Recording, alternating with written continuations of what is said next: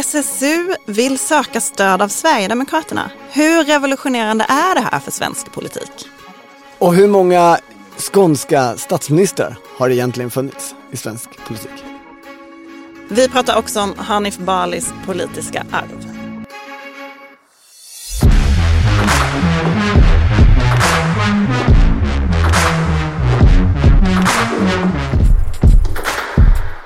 Det här är Politiken med Annie Reuterskiöld, Maggie Strömberg och Torbjörn Nilsson. I fredags, den första oktober, så slog det ner en politisk bomb. Berätta. SSU, Socialdemokraternas ungdomsförbund, skrev en debattartikel i Expressen som på morgonen hade rubriken Gör upp med SD om pensionerna. Som några timmar efter att SSU hade suttit i telefon med Expressens debattredaktör och bönat och bett om att få en ny rubrik hade rubriken Erkänn att SD har rätt om pensionerna. Läste du den här? Ja. Det som SSU ville var ju att Socialdemokraterna ska lägga fram politik som det finns majoritet för i riksdagen. Eh, det handlar om att reformera arbetskraftsinvandringen. Det handlar om att inte privatisera Arbetsförmedlingen. Och sen är det då pensionsfrågan som vi ju har pratat en del om här. Där ju Socialdemokraterna och Sverigedemokraterna tycker ganska likt. Och här kommer då SD in i sammanhanget och det här blir spännande tycker folk. SSU vill då att Socialdemokraterna lämnar pensionsgruppen och lägger fram pensionsförslag som SD ska stödja och som man då ska få majoritet för. Eh, De borgerliga partierna håller ju emot en del i pensionsgruppen i frågor som Socialdemokraterna vill ändra på. Och det här fick ju framförallt moderater att gå fullständigt i spinn i eh, Jajamensan. fredags. Det får man säga. Och många andra också skulle jag säga. Ja. Va, va, va, hur tolkade du den här artikeln? Jag tycker att den har tolkats väldigt mycket i ett enkom strategiskt perspektiv. Alltså bara ta på sig maktstrategiska glasögon och så, så här. Så småningom kommer ju socialdemokrater acceptera sverigedemokrater och regera med dem och alltså de liberala timbroiternas skräckscenario. Och det ligger ju något i det. Men det finns ju ett mycket mer sakpolitiskt perspektiv som gör saken enklare och på samma sätt och vis svårare att förstå, tänker jag. Alltså, man måste börja i att SSU bryr sig mycket om pensionsfrågan. Bara det är ju spännande i sig. Vad är ett, ett ungdomsförbund som, som liksom tar stor strid för pensioner? Det är inte så vanligt. Nej, men om, Hände om senast jag då 1958. ska ta på mig Ardalan Shekarabi-hatten så skulle jag så bara säga att ungdomar är idag väldigt oroliga för sin pension. Det här är en viktig fråga, inte bara för äldre utan även för unga. Ja, Så att det säger jag något ah, okej. Ja, det är ju ingen hemlighet att vi socialdemokrater vill höja pensionerna.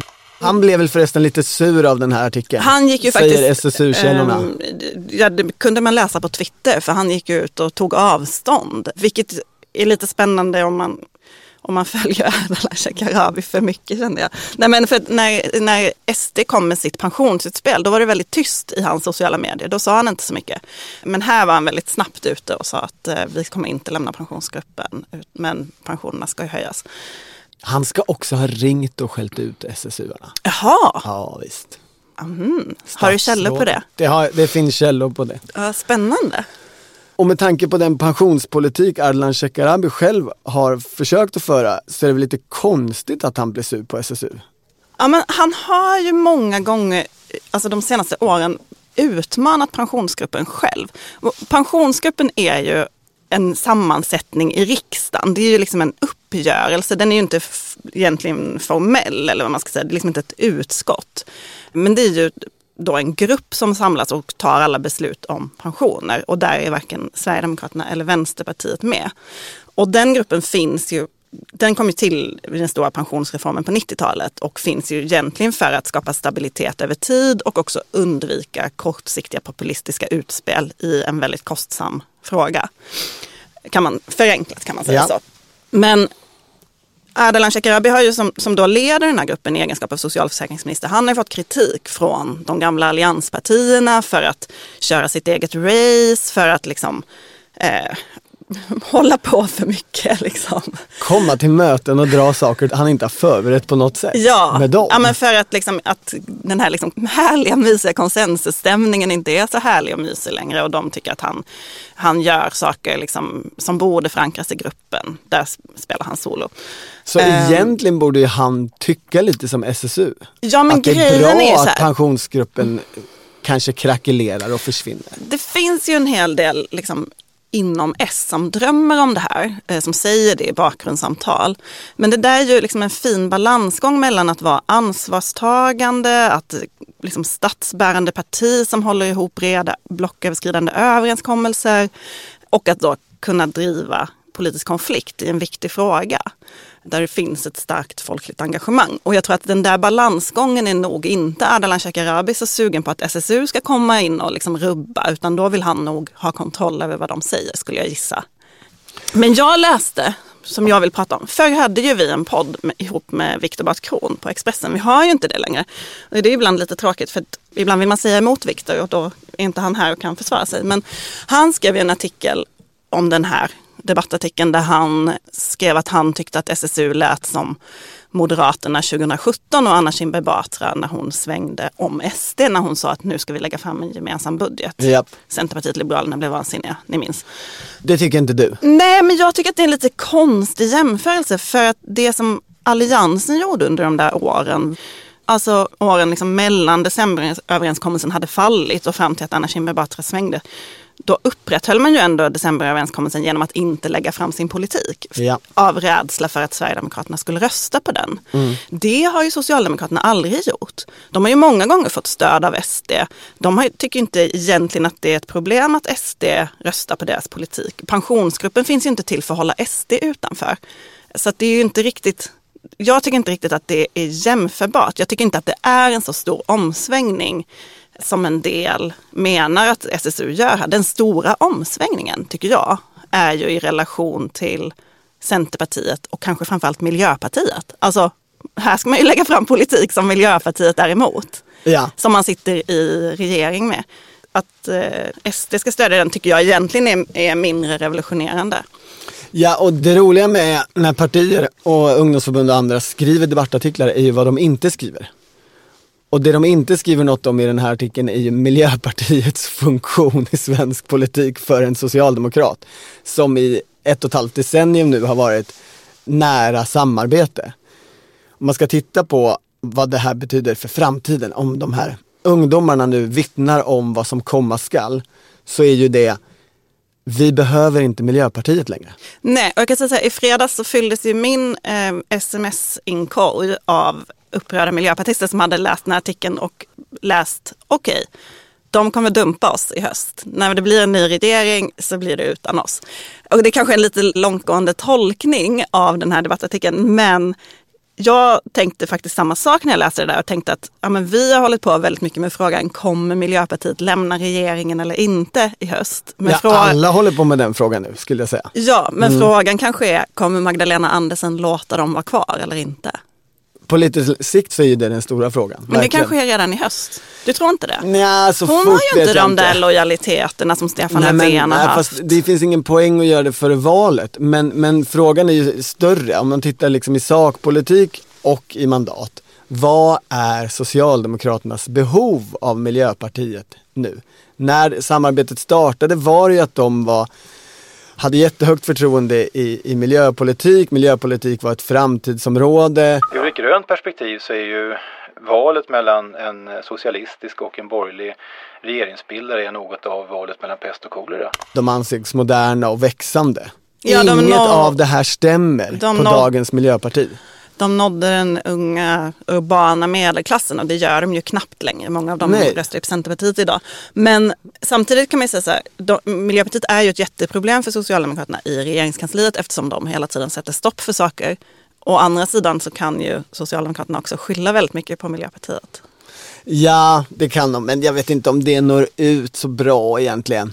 Nej, jag tror att rycker inte Miljöpartiet upp sig i meningen blir viktigare sakpolitiskt och maktstrategiskt i antal mandat i riksdagen så är ju funktionen av dem för Socialdemokraterna de behövs ju knappt. Men man ska också komma ihåg att anledningen till att de kom in i regering var ju inte i första hand att de behövdes, utan det handlade ju om att de slog sig in. Att de ställde jättemycket krav på först Göran Persson och sen var det Mona Sahlin. Och, alltså, det, var ju inte, det var ju inte så att Socialdemokraterna var så här, det här vore, vore bra för oss i första hand, utan det var ju tvång. Och där finns ju ännu en aspekt ifall då man skulle välja att hoppa av i någon slags Nooshi Dadgostar inspirationsrus. Hur gör man då för att komma tillbaka igen den dagen man vill det? Varför skulle Socialdemokraterna då släppa in dem igen, ska man säga. Annars kommer vi rösta nej till regering. Det kommer, bli, det kommer bli, sätta partiet i en väldigt svår situation tror jag. Jag håller med, fast jag tycker du betonar Mona Sahlin för lite här. Alltså Mona Sahlin och kretsen runt Mona Sahlin gjorde ju en förnyad syn på Miljöpartiet som var, vi behöver dem. Det är de som står för den politik jag egentligen vill driva. Jag måste ha in dem för att vitalisera min trötta, sargade folkrörelse. Ja, så kanske det var. Men, men det finns ju ändå en lång kamp innan dess för ja, att ja, överhuvudtaget ja, ja, komma på tal med liksom... jag, jag vill inte förringa Peter Erikssons aggressioner och hårda arbete mot socialdemokrater. Det är inte det. Grejen är ju att titta på Mona Salins förhållningssätt till Miljöpartiet och titta på den här SSU-artikeln så har det ju svängt 180 grader. Ja, och till det kan man ju lägga att Jytte Gutland nu ska komma hem för att kandidera till riksdagen. Hon ska lämna Europaparlamentet. En socialdemokratisk miljöpolitiker med väldigt tydlig sån profil. Mm. Det kanske inte betyder att de ska kasta ut Miljöpartiet men det betyder i alla fall att de ser värdet i den där frågan. Ja, och även om Jytte Gutland kanske inte drar hundra jämnt med dagens SSU-ledning. Alltså Jytte Gutland har ju varit SSU-ordförande. Mm.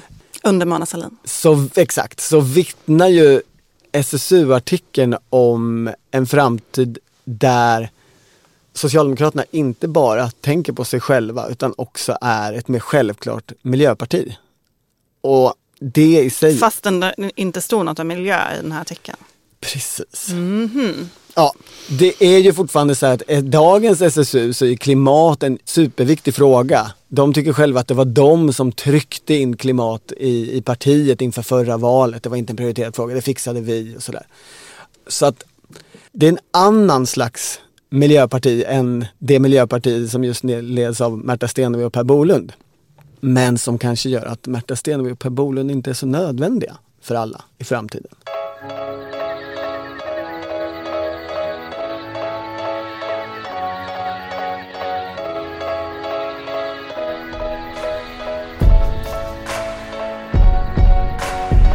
Maggie, en av Sveriges mest kända, får man säga, politiker har meddelat att eh, han ska lämna riksdagen, eller rättare sagt inte ställa upp till omval. Mm. Hanif Bali. Ja, det sa han förra veckan efter att eh, åklagaren hade lagt ner utredningen om honom. Och jag antar att de flesta har koll på det här, men jag drar ändå lite kort vad det är som har hänt. Och det är egentligen finns ju två olika versioner om vad som faktiskt har hänt. Och mm. Eh, vi ska inte spekulera i någon skuldfråga i den här podden. Men en minderårig medlem i partiet har anklagat Hanif Bali för olämpligt beteende. Att han ska ha varit kontaktsökande, försökt övertala henne att ha sex och att skicka bilder. Hanif Bali säger tvärtom att det är hon som har varit väldigt kontaktsökande, att han har hjälpt henne med läxor och att när hon då gjorde närmanden som han beskriver det så förklarade han att det inte skulle kunna bli något annat än en vänskapsrelation och en mentorsrelation. Partiet inledde då en utredning, sen blev det en polisanmälan och i fredags lades den ner. Och åklagaren sa att det hon hade utrett var de här bilderna som det har pratats om. Och hon ansåg inte att det handlade om sexuell posering och därför så la hon ner förundersökningen. Um, Hanif Bali säger ju att den här flickan då har utnyttjats av personer som vill smutskasta honom och förstöra hans politiska karriär. Och nu har han då meddelat att han inte kommer att kandidera igen. Eller han har, sagt, han har formulerat det som att han inte vill, men det är väl samma sak antar jag. Ja, och alldeles oavsett det här så är det ju en stor sak att Hanif Bali ser ut att lämna svensk politik. Ja. I alla fall partipolitik som ja. vi känner Om han inte startar ett eget parti nu.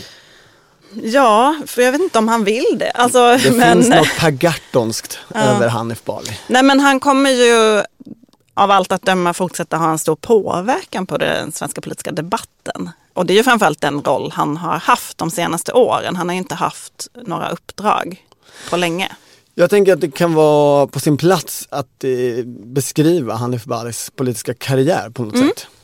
Jag, jag minns ju eh, honom från Moderata ungdomsförbundet som jag följde orimligt nära under ett antal år. Då, då var han ju tre äpplen hög och hade en sån här bröderna Dalton-käke. Det är väl så han Och fortfarande ser ut. sa- Han har skägg nu.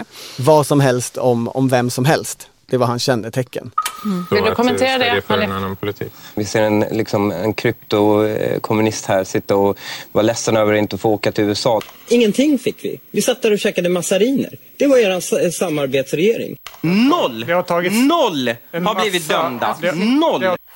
Alltså vadå gränslöst? Ja, Eller det, det här var ju så att säga innan internet men han var ju känd för frispråkighet i eh, ungdomsförbundet redan från start. Mm. Var han, det verkligen innan internet eller det var innan han var stor? på Ja, det var innan han hade blivit stor på eller, internet ja, i alla fall. Eller innan du hade skaffat internet kanske. Mm. Ja. Möjligt.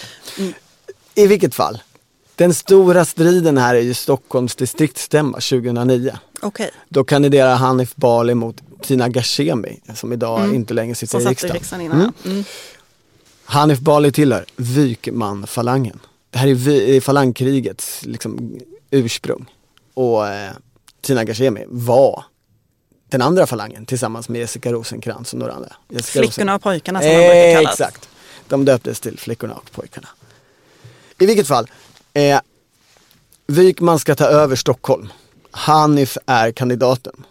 Det värvas friskt röster inför en distriktsstämma som är placerad i landstingshuset. Hanif har ett rykte om sig att vara lat och gnällig. Det ligger i fatet. Men han är uppstickarkandidat eh, och det är alltid bra i liksom värvningssammanhang. Dock så lurar ju Rosenkrantz och Gashemi hela Wykman-falangen genom att ett, de lägger distriktsstämman på sportlovet.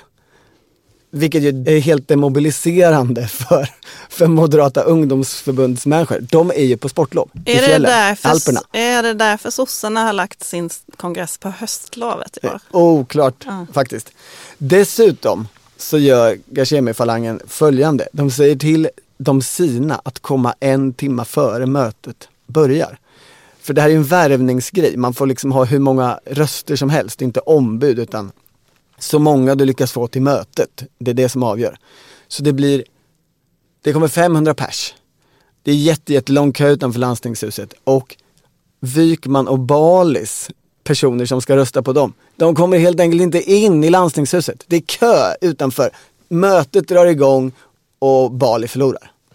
Det är hans första stora politiska strid och den tänker jag är lite formativ. Väldigt mycket efter det har ju liksom varit ett slag tillbaka.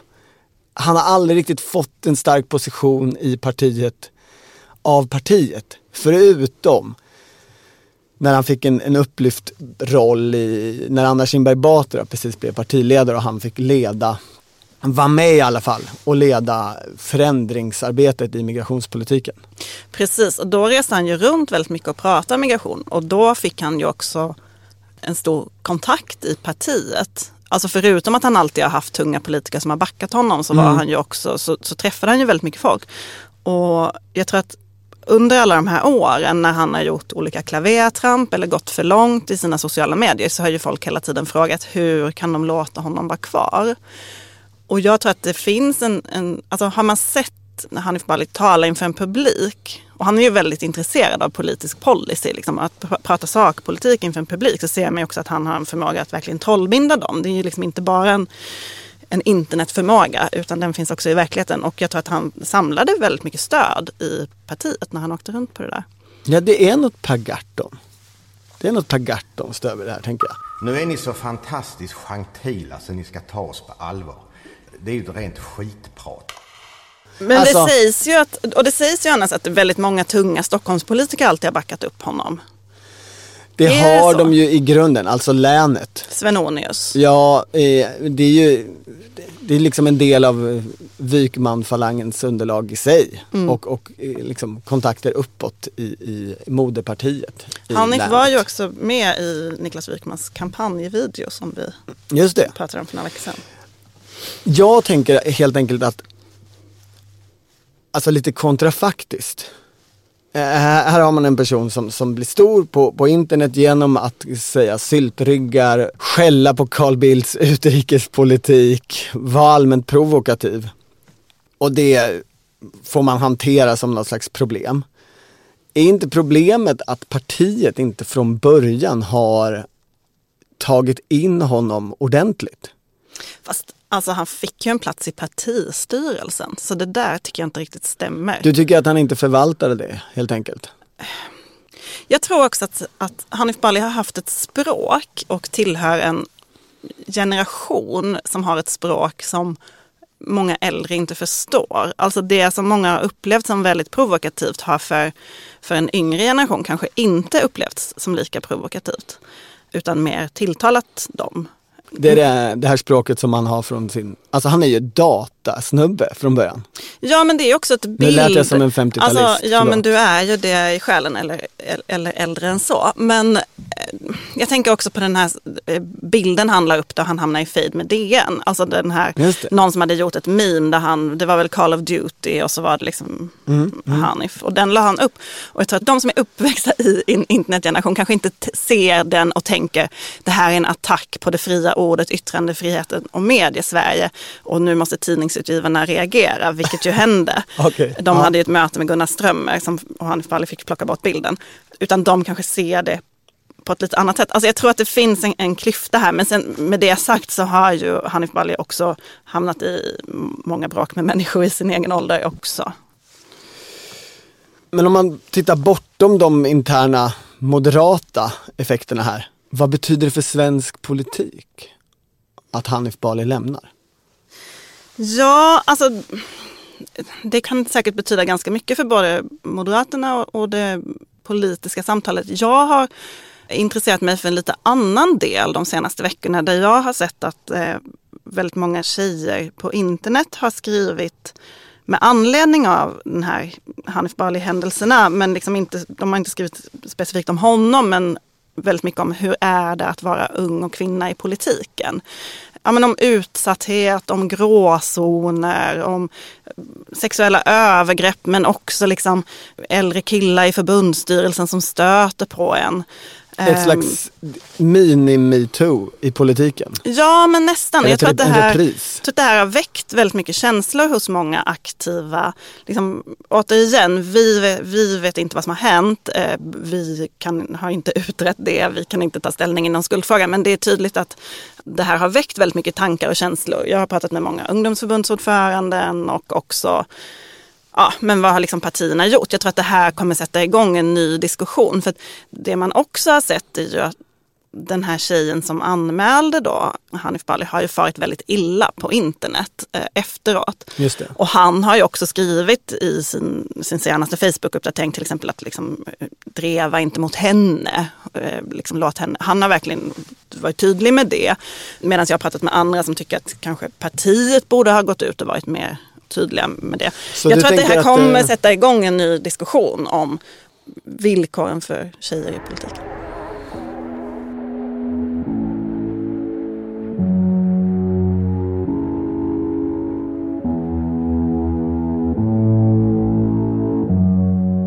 Men det bara käbbel. Det bara käbbel. Det bara käbbel. Det käbbel, käbbel, käbbel, käbbel, käbbel.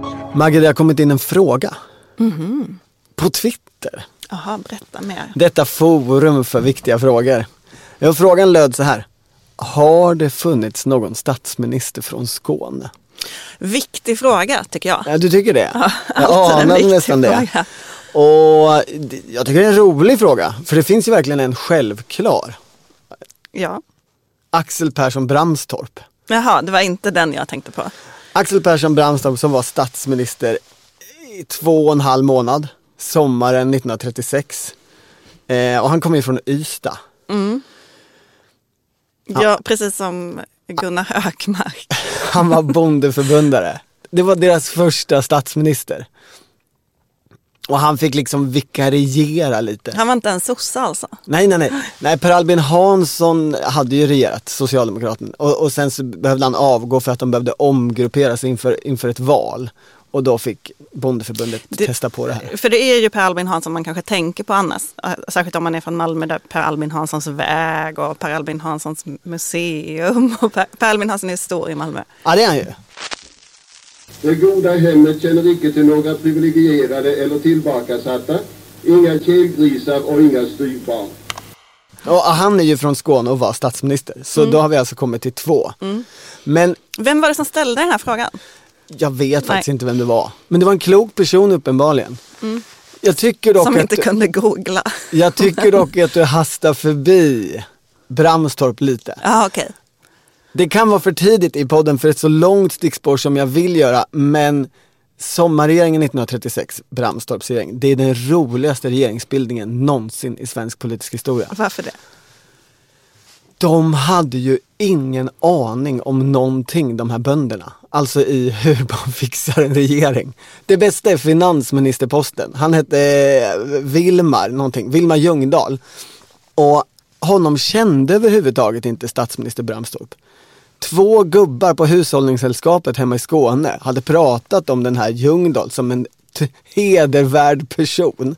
Och med det som hela CV och bas rekryterade Bramstorp honom som Sveriges finansminister. Det gick fullständigt åt helvete. Han kunde ju ingenting.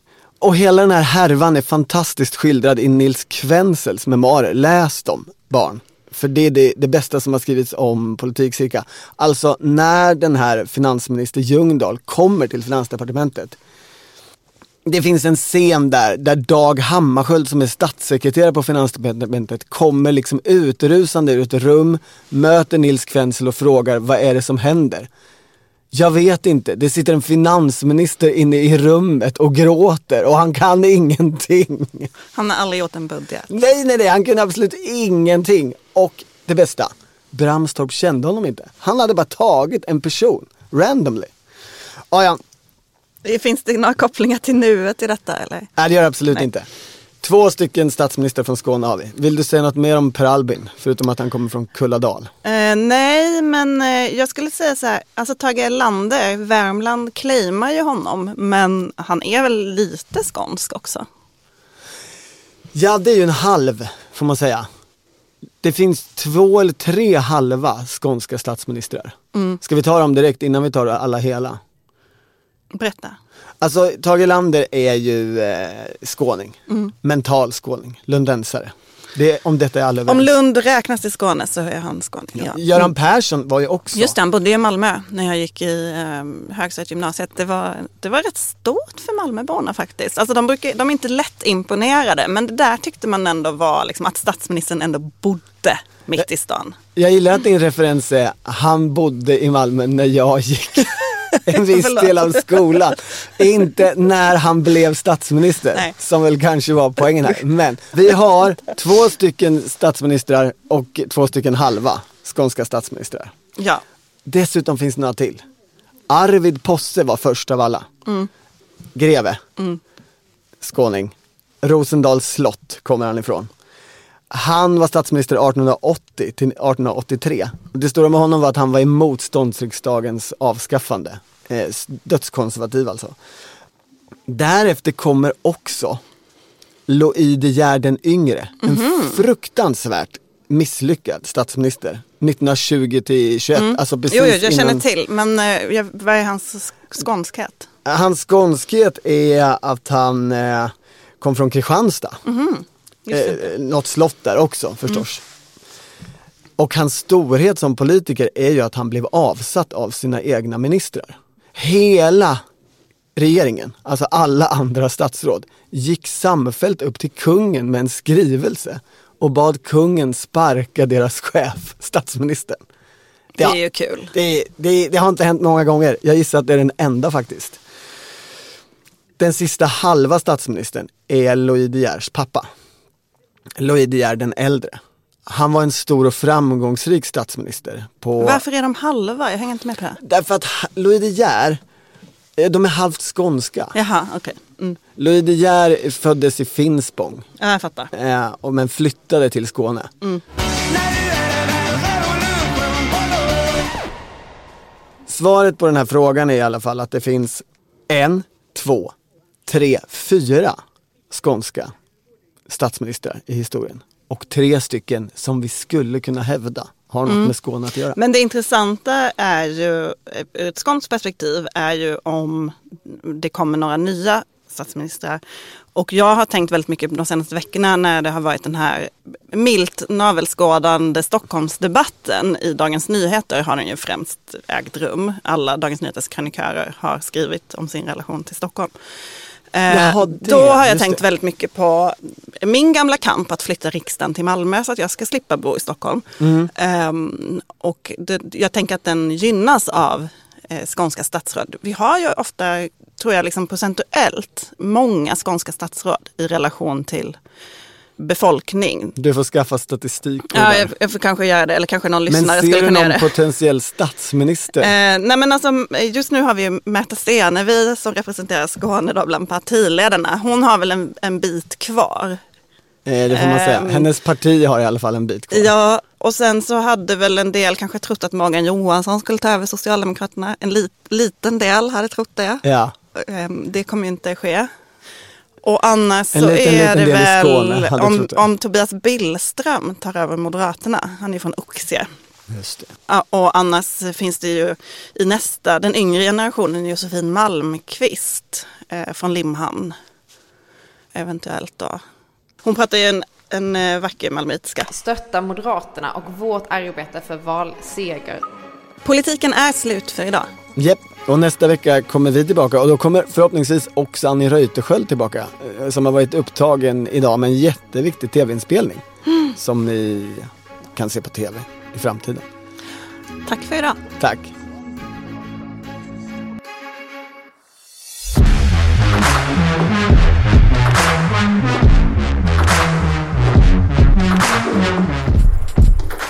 Du har lyssnat på Politiken, en podd från Svenska Dagbladet. Ansvarig utgivare är jag, Anna Kareborg.